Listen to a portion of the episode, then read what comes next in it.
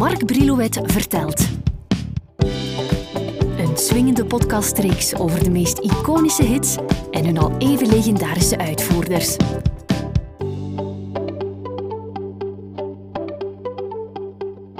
In onze vorige aflevering over Johan Verminnen had ik het in de start van die aflevering over zijn zowat uh, meest succesvolle CD.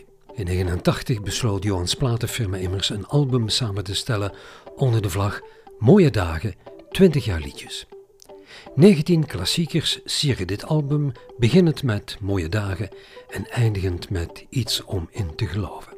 Bij dit album, ik neem het er even bij, een momentje, schrijft Johan het volgende. In 69 was ik 18 en begon ik aan een eh, stormachtige loopbaan. Samen met Raymond van het Groenewoud en de strijders van het eerste uur, en hij vernoemt Frans Yves, Koen de Bruyne, firma Timmermans, Jean Blaute, Jean-Marie Aarts, Tarslotes enzovoort, vocht ik voor een plaats in de spots. Het Nederlandstalige lied dat, vaak smalend, naar de verste hoek van de platenwinkel verwezen werd, kreeg hernieuwde aandacht. Dankzij de steun van onafhankelijk platenproducer Jean Kluger later van het onvolprezen BMW Ariola label had ik de mogelijkheid jaar na jaar, plaat na plaat, mijn emoties uit te zingen. Goeie en slechte dagen wisselden elkaar af en legden mijn leven in de groeven vast. Men kan van mijn liedjes houden of ze miskennen, maar negeren kan de Vlaamse muziekwereld ze nooit meer. De CD gaat meer dan 60.000 keer over de toonbank en wordt met platina bekroond. Brei daar maar eens een vervolg aan. Maar Johan blijft niet te lang teren op dat succes van zijn verzamelalbum en pakt een jaar later uit met Volle Maan, waaraan ook een succesvolle gelijknamige theaterproductie wordt gekoppeld. Een aparte song op dat album is ongetwijfeld een beetje meer alleen, een liedje over de dood van zijn vader. Deze keer neemt Johan op in de Studio Z en schrijft liedjes samen met Tarslotes en Bert Kandries. Volle maan en ik kan de slaap niet vatten, volle maan, op de daken krijsen katten. Volle maan, jij wijkagent der sterren, spied naar mij van verre, volle maan. Het is volle maan. Ik heb iets met de volle maan, dus dat is iets. Kijk, ik ben altijd op mijn best als het volle maan is. Zou ik dan toch de weerwolf zijn? Waar schrijf jij? Ik woon in Hansbeke, dus. Uh, en uh, dat is een huis dat heb ik gekocht van een beeldhouwer, een heel goede beeldhouwer, Etienne de Smet die ergens anders een groter atelier kon uh, kopen. Wat mij interesseerde aan dat huis was dat atelier van die beeldhouwer. En dat is mijn paradijs en daar maak ik mijn liedjes. Heb je eerst muziek? Uh, tezamen wordt En dan werk je een stuk, ofwel de tekst af, ofwel de muziek af. En dan ga ik ermee naar Bert, Bert Kandries, mijn bassist, die een klein studiootje heeft in Wezenmaal. En daar maken we een demootje dan. Je noemt er net al zoiets lyrisch, hè, volle maan. Dat schrijf je toch niet zomaar? Ik hou van jou, ik blijf je trouw, dat is makkelijk maar. Nou, die volle maan die heb ik wel samengeschreven met een andere tekstschrijver. Dat is iets wat ik bijna nooit doe. Maar dat was Koenraad de Walen, een dichter. Goed, maar ik los... had dat idee, maar is normaal... Uh... Maar los daarvan. Nee, nee, je moet... Hoe?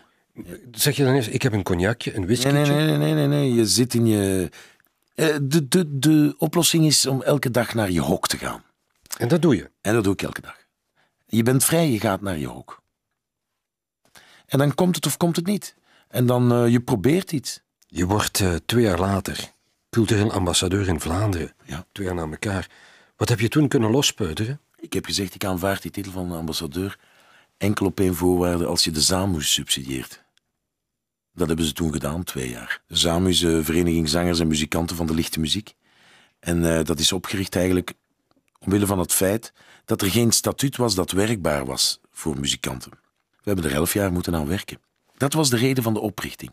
En elk jaar hebben er de ZAMU Awards plaats. En dat zijn awards die eigenlijk door de mensen van het beroep worden gegeven aan het beroep. En daarin verschillen ze van vele andere awards. Het artiestenstatuut. Leg eens heel in het kort uit, wat levert dat, wat levert dat nu op? In feite een artiest, de dag van vandaag, die normaal is de organisator de werkgever.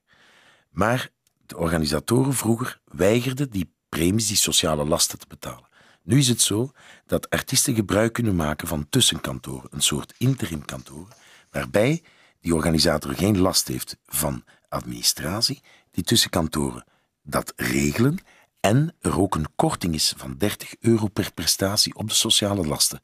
En uh, dan heb je ook de keuze om als zelfstandige te, te bestaan, wat vroeger niet mocht en wat toch gebeurde, omdat er toch niks anders was.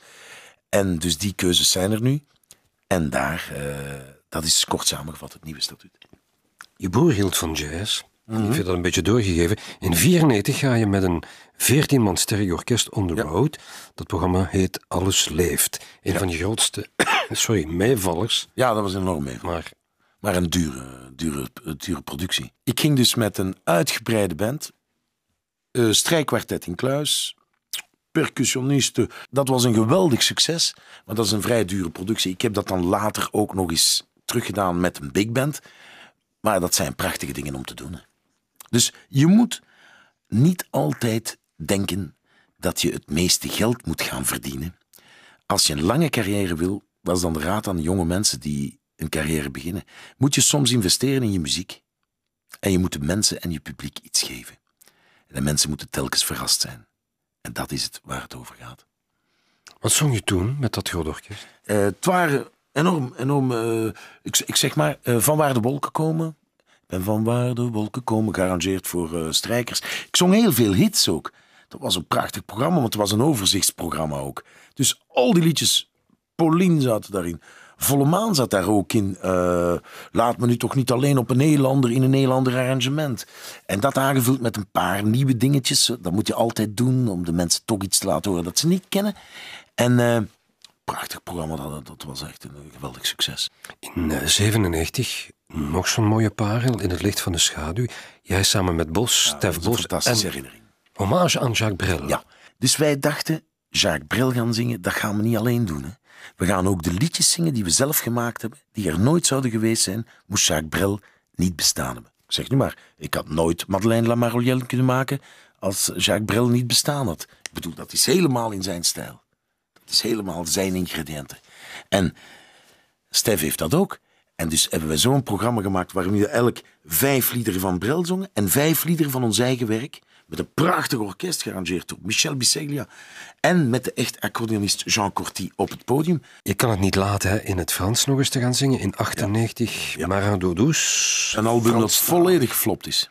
En wat ik eigenlijk een van mijn mooiste albums vind. Dus de media, dus, uh, die wij nodig hebben om een plaat of een cd te promoten, die zijn allemaal veranderd. Dus wat is daar gebeurd? Men heeft het, de verschijning gekregen van de formats. Dus je krijgt de formats. De formats dat zijn voor luisteraars die dat niet weten, dat zijn eigenlijk de normen waaraan een uur radio moet voldoen. Wat moet daarin zitten? Het recept. Dus als jij iets maakt dat niet past in het recept, word je niet gedraaid, kunnen de mensen met jou geen kennis maken. En ik denk dat het een typisch voorbeeld is van een plaat die buiten de format viel, zowel van de RTBF, waar heel weinig Belgisch wordt gedraaid, als van de VRT. Jij werkt dus geformateerd. Je schrijft met je platen? Nee, maar ik weet wel als ik een single uitbreng, in welke format hij past. Ik schrijf het gewoon en dan zeg ik, kijk, dat past in die format. Ben je dan toch iets commercieel? Nee, maar ik ben niet alleen. Dat is, uh, nee, nee, een platenfirma heeft een marketingafdeling. Uh, dus je weet automatisch, dat zullen ze dan, dan wel de single vinden. Maar schrijf je soms dat je denkt... Het kan dat je dat Eerlijk, doet. Hè? Het kan dat je dat doet, ja. ja. Dus je weet, ik moet altijd op een plaat... Ik moet af en toe een, eh, Toegeving. binnen die format een, uh, ja. een nummer hebben. Vind je dat een verpaupering? Ik vind een verpaupering, Dus Jacques Brel zou vandaag nooit meer kunnen.